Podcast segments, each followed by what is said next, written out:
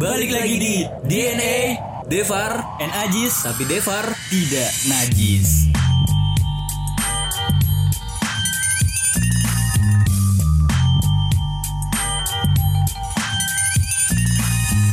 Assalamualaikum warahmatullahi wabarakatuh. Gantian intinya kita berdua Memanjatkan kata selamat datang ya Kepada lu semua yang mungkin baru denger podcast kita. Ataupun yang udah stay dari episode pertama ya Pak ya. Iya yang udah tiga kali rilis mungkin ya. Iya walaupun kemarin sempat libur juga karena Karena libur lebaran. Jadi kita mengikuti tanggal ya. Kalau tanggalnya merah kita juga ikut libur. Tapi kita upload setiap tanggal merah Pak. Enggak kan ngetiknya pak. Kita kan ngetik setiap hari Sabtu nih. Nah kebetulan Sabtu kemarin itu cuti bersama Cuti bersama itu se Indonesia. Iya se Indonesia Nggak tahu kalau di daerah luar Mungkin di luar negeri juga ngadain cuti bersama Karena kalendernya juga sama kan Kecuali kalender suku Maya Iya. tapi ada juga sih yang dicuti sampai Apa di tuh? PHK. Wow, wow, wow. Wow. Apalagi pas lagi di tengah pandemi ini, Pak. Kenapa tuh? Kan kita kan udah nerapin PSBB udah sekitaran dua minggu yang lalu ya. Hampir. Oh iya Jadi ki- ke- ke- kebetulan Kemarin kita ngejalanin lebaran Iya. itu di tengah-tengah pandemi yang mungkin suatu hal ataupun tradisi di momen-momen lebaran sebelumnya itu nggak terjadi di lebaran kali ini ya Pak. Jadi perbedaan yang signifikan antara lebaran tahun-tahun sebelumnya dengan lebaran tahun ini. Iya bener banget dan vibe-nya lebaran tahun ini sama tahun kemarin tuh beda banget gak sih, Pak? Beda asli. Beda ya? Banyak banget perubahan-perubahan kayak nggak bisa eh, ini apa silaturahmi ke rumah keluarga, Iya, silaturahim, silaturahim, silat lidah, silat kelamin. silat kelamin. silaturahmi kelamin. Oh, nyiwi. Eh, Parah kita bahas lebaran tapi ujungnya ke sini, aduh. Iya. Nah, jadi eh, di podcast kali ini Iya. Jadi kita akan sedikit menyenggol pemerintah. itu Ajis ya yang ngomong, bukan gua. Itu suara Ajis, ini suara Devar. Nah, jadi gua angkat tangan ya. Enggak enggak. Jadi kita pengen ngebahas tentang PSBB dan juga kemarin pemerintah ngeluarin kebijakan tentang new normal. Iya, kemarin kan sempat ada isu nih. Jadi kita baru ngejalanin PSBB baru hampir dua minggu kayaknya ya, Pak. Enggak pak, gue ngejalin PSBB selama umur hidup gue baru sekali pak. Iya. Iya, iya benar benar benar benar. Nah, jadi kita kan eh, lagi PSBB nih. Untuk di daerah kita sendiri. Jadi sebelumnya nih ya, buat yang nggak tahu PSBB, jadi PSBB itu apa sih? pembatasan sosial berskala besar. Oh, jadi pembatasan-pembatasan di titik-titik tertentu di daerah suatu wilayah seperti Bukan itu ya. bukan gitu, Pak. Apa Jadi eh, pembatasan da- eh, dari kegiatan-kegiatan yang ada di masyarakat. Oh, gitu. termasuk kegiatannya juga. Ah, ah, jadi kegiatan-kegiatan kita itu dibatasi Mm-mm. oleh kebijakan PSBB ini. Iya. Jadi PSBB ini siapa yang bikin? Kebijakan pem- pemerintah. Oh, berarti pemerintah udah kayak cewek ya. Kenapa tuh? Suka ngebatas-batasin. Wow wow wow. Apalagi misalkan pemimpinnya cewek, Pak. Untung cowok, Pak. Kenapa kalau cewek Ya itu tadi. Dibatasin? Iya dong. Iya. Iya, posesif banget, bakal posesif, Posesif, ya. ah, Iya, bakal iya, protektif juga. Tapi untung aja pemimpin kita tuh nggak ngambek kan, Pak. Untungnya ya. Untungnya. Alhamdulillah kalau gitu. Nah, jadi Itu presiden yang sebelumnya tapi tidak ikut-ikut saya. yang sebelumnya itu selama dua periode loh, Pak. Nggak ada yang namanya ngepenjarain masyarakatnya gara-gara makar, gara-gara apa gitu, Pak. Uh, waktu itu gua masih SD Pak, jadi nggak terlalu paham sih.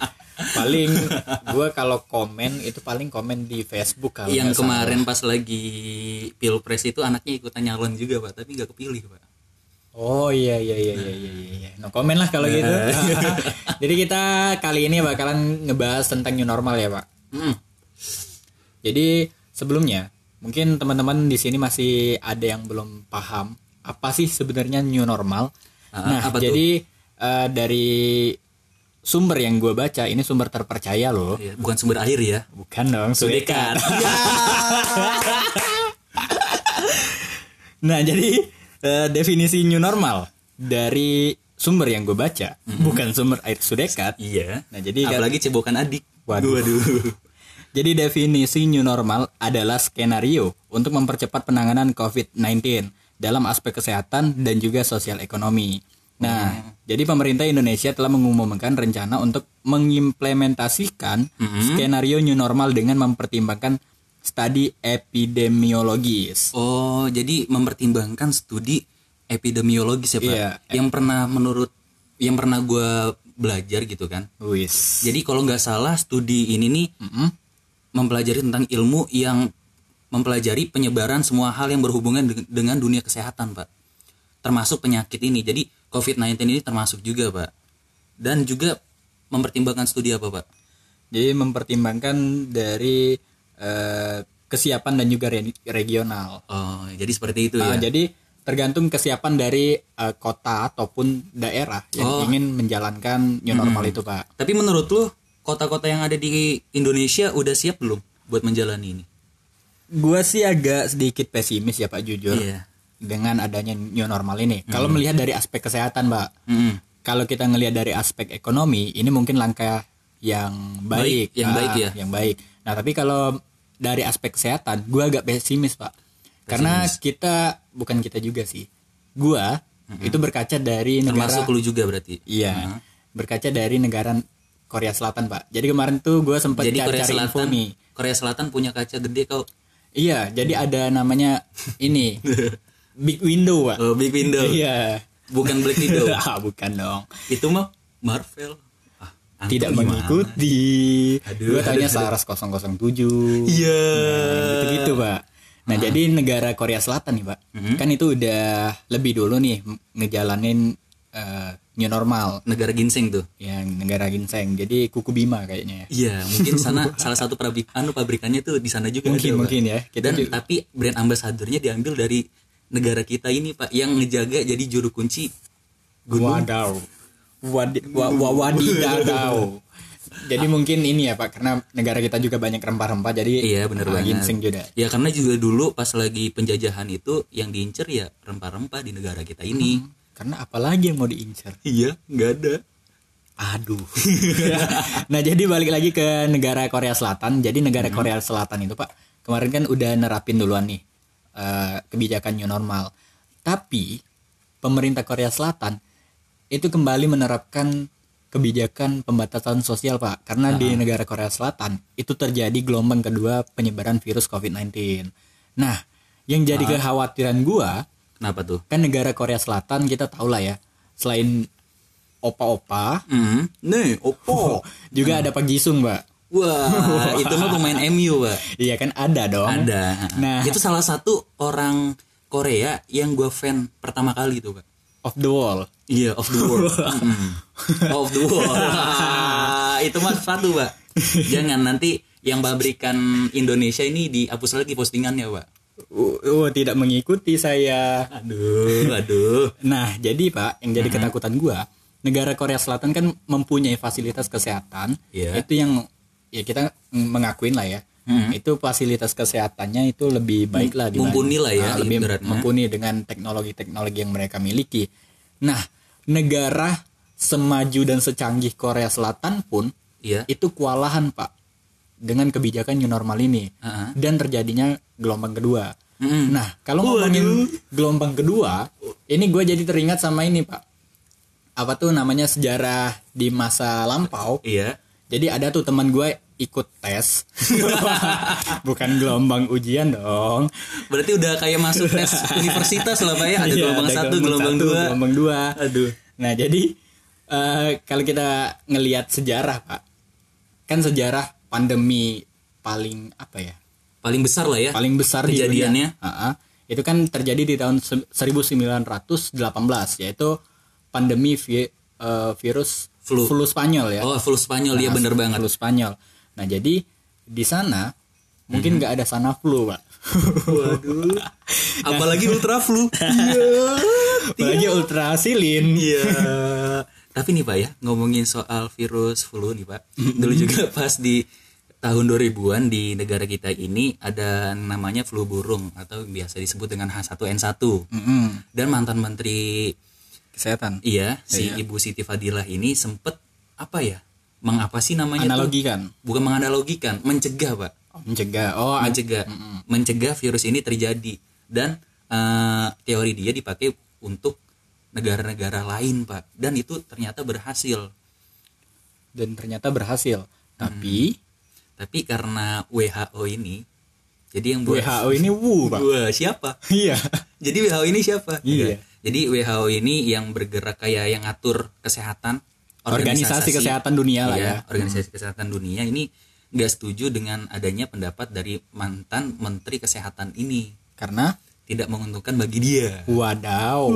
Jadi semuanya tergantung cuan. Iya dong. Dan balik lagi ke politik pak. Bener banget. Itu emang menurut gua politik banget sih. Dan ini juga ya pak ya? Eh, sebelumnya Jis Mm-mm. kan tadi kan kalau gua eh, ngebahas tentang aspek kesehatan nih. Kalau buat lu sendiri nih lu setuju atau enggak nih dengan adanya new normal kalau ngelihat dari aspek kesehatan dan juga sosial ekonomi.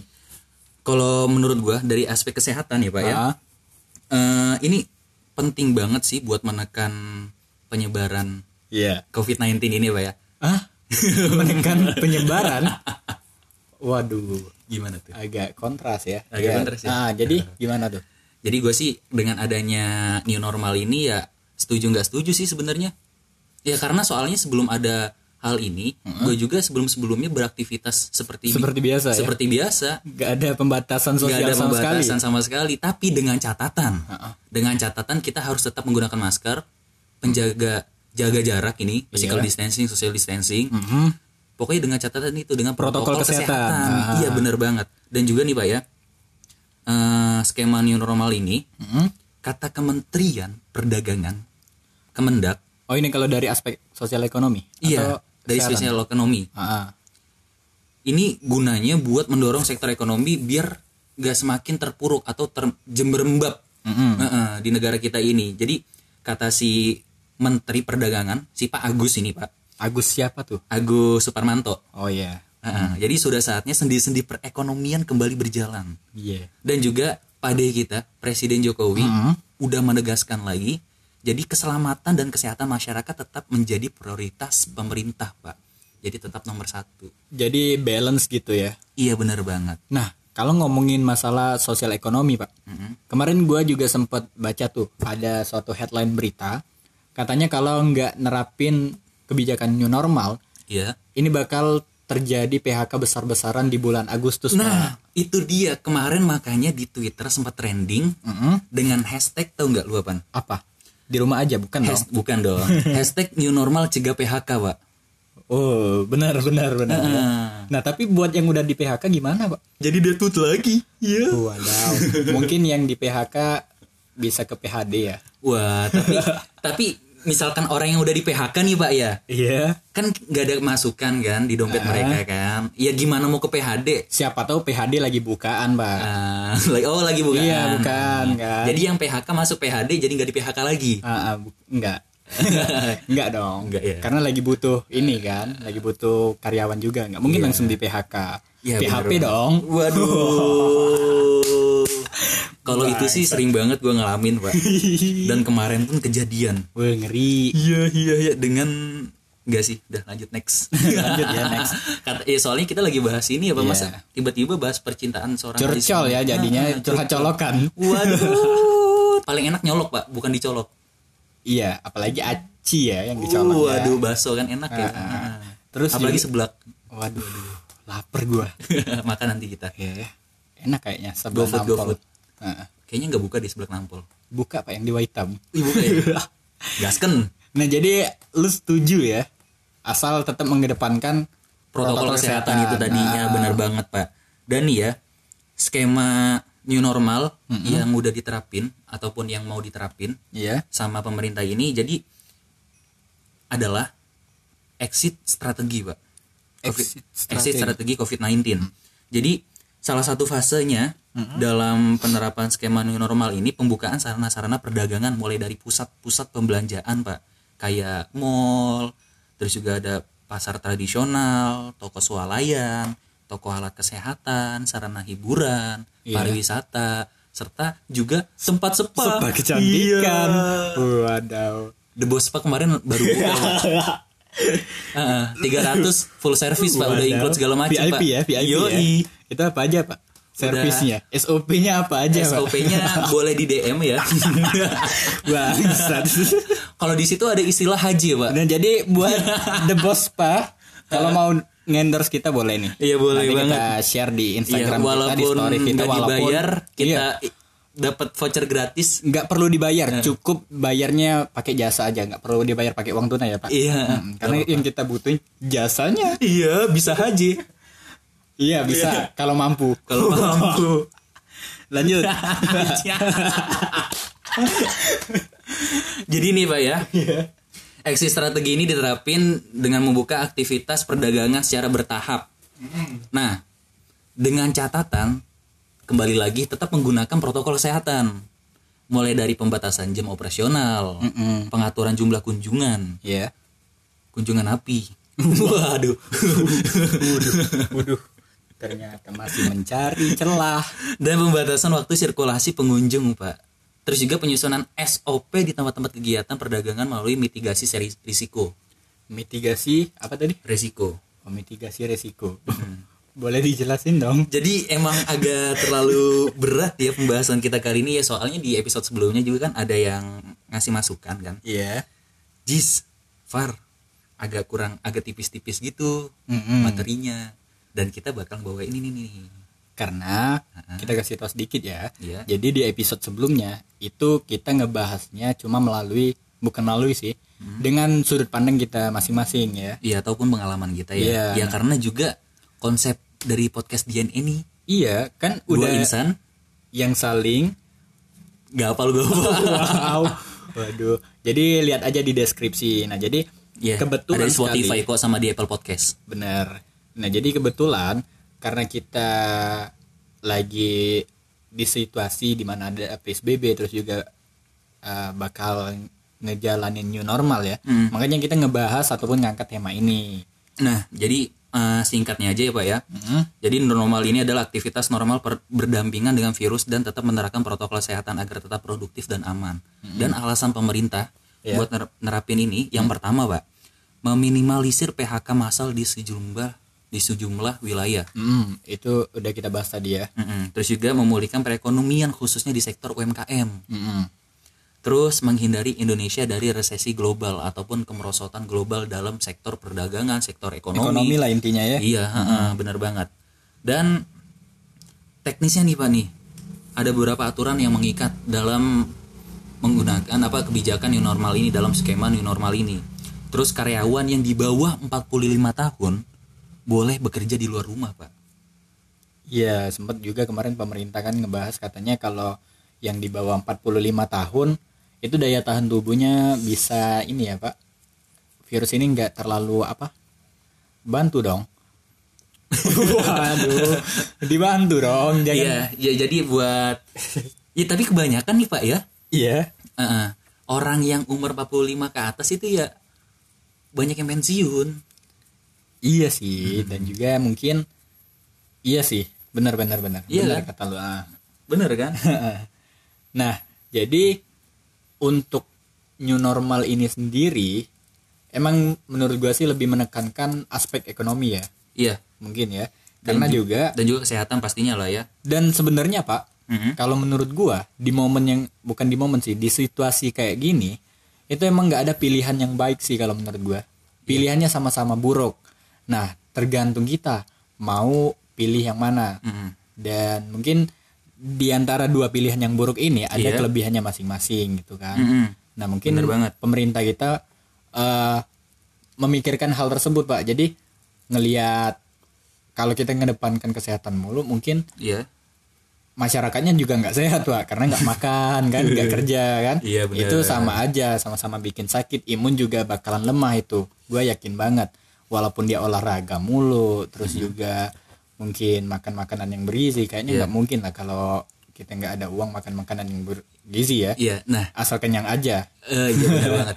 Dan lu tahu nggak sih sebenarnya orang-orang yang maaf nih, ah yang gelandangan, orang-orang yang biasa orang gila lah, orang gila yang di pinggir-pinggir jalan kayak gitu, iya dia tuh nggak pernah sakit sebenarnya, Pak. benar Karena dia tuh nggak memikirkan apa pun. Nggak memikirkan apa pun. ya karena gila Iya benar. karena gila itu benar, tadi nah makanya pas kemarin Orang gila itu sehat ada istilahnya pak. Iya, dan dia pun nggak memikirkan soal apa ya namanya ya, yang aneh-aneh kayak gitu kan. Nah, ke- pas kemarin nih pak ya, pas berita media mainstream Ya. mengabarkan sebenarnya virus ini tuh nggak bahaya, cuman dibesar-besarkan aja oleh media. Jadi ketika media ini membesar-besarkan dan kita pun menganggapnya, wah ini Bahaya. bahaya, sih, Mm-mm. ini bakal bahaya. Sebenarnya kalau kita waspada, ya kita santuy aja ya. Iya, nah dari kita berpikiran bahwa virus ini bahaya, nah dari situ juga bakal mempengaruhi kesehatan kita, Pak, dan menurun dapat menurunkan imun kita, yang mau- berakibatkan kita ya ujung-ujungnya bakal sakit kayak gitu, nah. Dan virus-virus bakal mudah masuk ya. Iya, bakal mudah masuk. Sebenarnya nggak bahaya untuk orang yang berumur 45 tahun ke bawah. Ah, ah. Heeh. Asalkan misalkan kita nggak punya catatan kompilasi penyakit lain kayak Iya gitu. nggak ada penyakit pendukung ya. Iya, dan juga di negara kita ini ataupun di dunia ini nggak ada orang yang mati ataupun meninggal Bener. yang pure gara-gara COVID-19 ini, Bang. Gara-gara virus ini nggak ada. Ya, mereka mati karena Ajal Ah. yang pertama. Yang pertama karena ajal kan udah takdirnya dan yang kedua karena ada kompilasi penyakit lain. Iya, jadi ada kayak penyakit yang emang udah diderita lama ya, penyakit Iya. berbahaya. Panu. Uh, Waduh. Itu pakai kalpanak sembuh Pak tiga hari, ya. Pak. Nah, jadi apa lagi? Jadi nggak nggak bahaya sama sekali sih. Bukan nggak bahaya sama sekali sih. Ya. Mungkin eh, nggak seberbahaya Iya, yang kita iya. lihat selama ini ya. Nggak seberbahaya apa yang diberitakan oleh media. Mm-mm. Heeh. Karena menurut gua juga Pak, di momen yang kayak gini kita jangan terlalu terpaku sama media Pak. Mm-mm.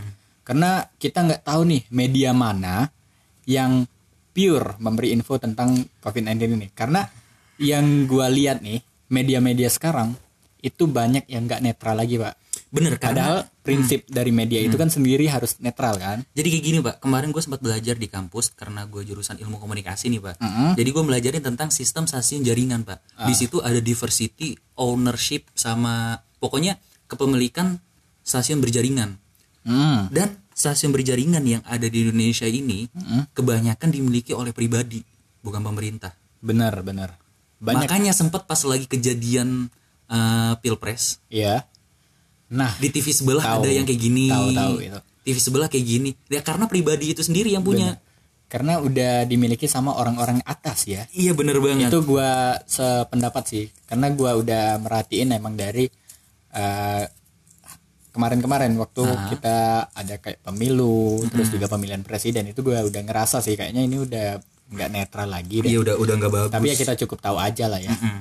nah lanjut pak kita juga udah ini ya apa Buka open box question di Instagram. ya jadi kita bikin question box di Instagram nanyain kepada followers kita Waduh. walaupun saya cuma berapa ratus kita ya udah kayak influencer aja ya. Iya.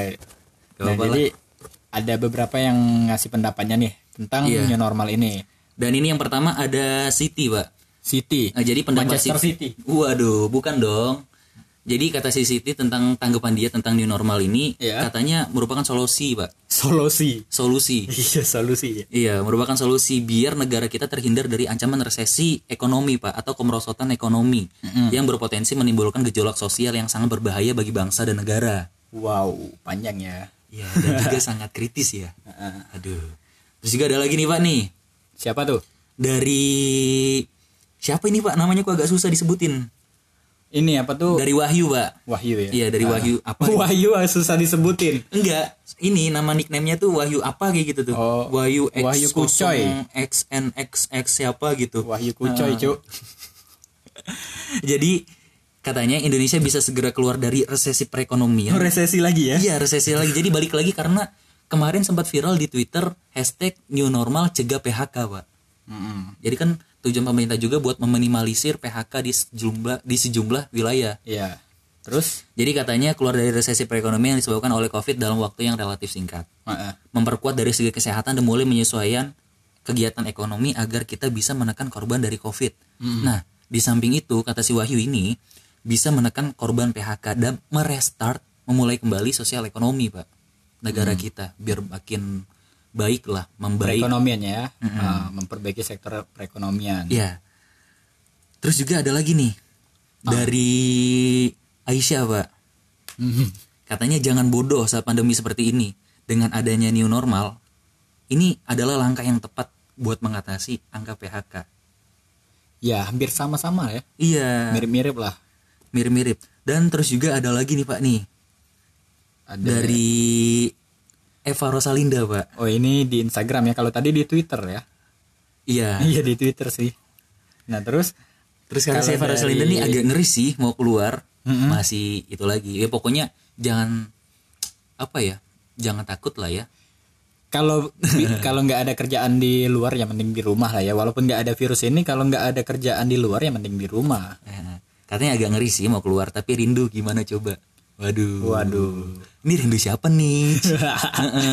Rindu ya emang rindu itu berat dan lu nggak akan kuat. Enggak tapi gua agak nggak setuju sih. Rindu itu berat tuh nggak setuju gua pak Kenapa Enggak tuh? enggak enggak setuju enggak setuju. Kenapa tuh? Nah lu pasti pernah kan nonton film Dilan iya. Yang ngomong rindu itu berat? Mm-mm. itu enggak enggak setuju banget pak. Karena? Itu salah pak menurut gua. Karena misalkan lu ke Indonesia Timur yang Iya. berat itu letak geografis pak. Karena ojek online di sana tuh bahaya kenapa tuh? Lu pesan ojek mau ke kebon ojeknya belum datang drivernya udah dicari sama tim sar bangsat. Terus ada lagi nggak? Ada lagi dong. Ada lagi dong. jadi ini udah banyak banget nih ikutan komen tapi cuman kita pilih Pilah-pilih ya? pilih beberapa aja. Dan buat orang yang beruntung Heeh. harusnya terima kasih ya. Waduh. Dan terima kasih biasanya ada ya Enggak lu lah, tahu sendiri lah ya. Terus juga ada Ferdian Wihartanto pak bukan paleka bukan dong tapi komuknya mirip pak Wow. waduh tapi bohong Iya. apa tuh suatu kegiatan normal tapi dengan habit baru dengan kebiasaan baru Iya, seperti cuci tangan, pakai masker, limbat. Iya, waduh. Katanya suatu kegiatan normal tapi dengan habit baru yang makan wortel itu apa? Oh, kelinci maksudnya dong. Kelinci bahasa Inggrisnya rabbit. Terus ada lagi, Pak. Siapa lagi? Dari Muhammad Afrizal. Ini kayaknya dari Instagram lu semua deh, Pak. Di Instagram gue nggak ada yang komen tadi. Wah, sedih sekali. Ayo lanjut. Pad- Padahal viewers itu instastory sampai 600 ya. Iya sih. Cuma ya mungkin Lagi ini, males aja lagi mungkin. males ya. aja Mungkin lu juga ngepostnya di waktu yang nggak tepat di waktu-waktu orang tuh lagi istirahat mungkin. mungkin lah ya. Dan kita ngetek malamnya. Mungkin mungkin. mungkin. Sore lu Harusnya dari satu bulan yang lalu lah minimal Waduh, ya. kita baru mulai satu bulan yang lalu. Lanjut. Katanya Muhammad Afrizal mending kayak gini. Mending lu ngasih tahu siapa Rothschild sama Rockefeller. Waduh, waduh. Ini orang-orang yang mungkin kelebihan imun dan juga proteinnya terlalu banyak mungkin ya Pak. Iya mungkin ya. Gue taunya sih Rosa sih pak. Rosa ya? Rosi tahu. sama R- Rosidi kepala sekolah gua dulu Pak. Pak Rosidi. Dan sekarang udah nggak lagi sih. Terus juga ada dari Nata Negara Fadil. Ini yang terakhir atau masih ada lagi? Masih banyak dong. masih banyak. Tapi kan dipilih Kita Pak. pilih 10 aja mungkin ya. 10 aja. Wow. Wow. Lanjut. Ya new normal. Sekarang berarti sekuatan imun. Waduh, bahasa orang paling bang banget nih. Kekuatan ya. Sekuatan imun. Yang lemah mati. Wak wak wak kayak perang. Wow. Mau perang apa tuh? Perang salib. Iya. Wow, wow, wow. Itu ajis ya. Pak, Dan nanti nanti diedit yang tadi ya, diingat ya. enggak dong, enggak dong. Terus yang terakhir, Kok yang terakhir sih masih ada lagi, Pak? masih ada lagi. masih Kira ada yang lagi. terakhir. Oh, enggak ding, Pak. Ada yang terakhir. Udah Eh, habis kan? Yang terakhir dong. Wah, ini ada yang aneh juga, Pak. Apa tuh? Dari Cynthia DPS. Hmm. Tanggapan dia tentang new normal ini. Iya, apa? Ya normal, Kak. Enggak gay. Hah? Hah? Hah? Hah?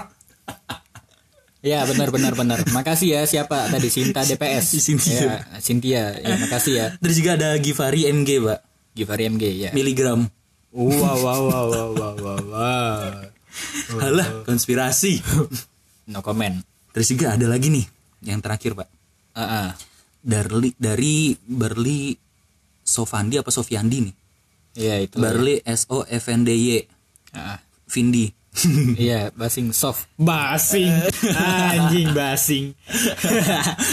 Enggak emang Palembang kayak gitu biasanya. Iya, Kalau terserah tuh basing. Ah, kan ah, Terus juga misalkan ada juga Balik yang missing ya? Heeh, balik missing.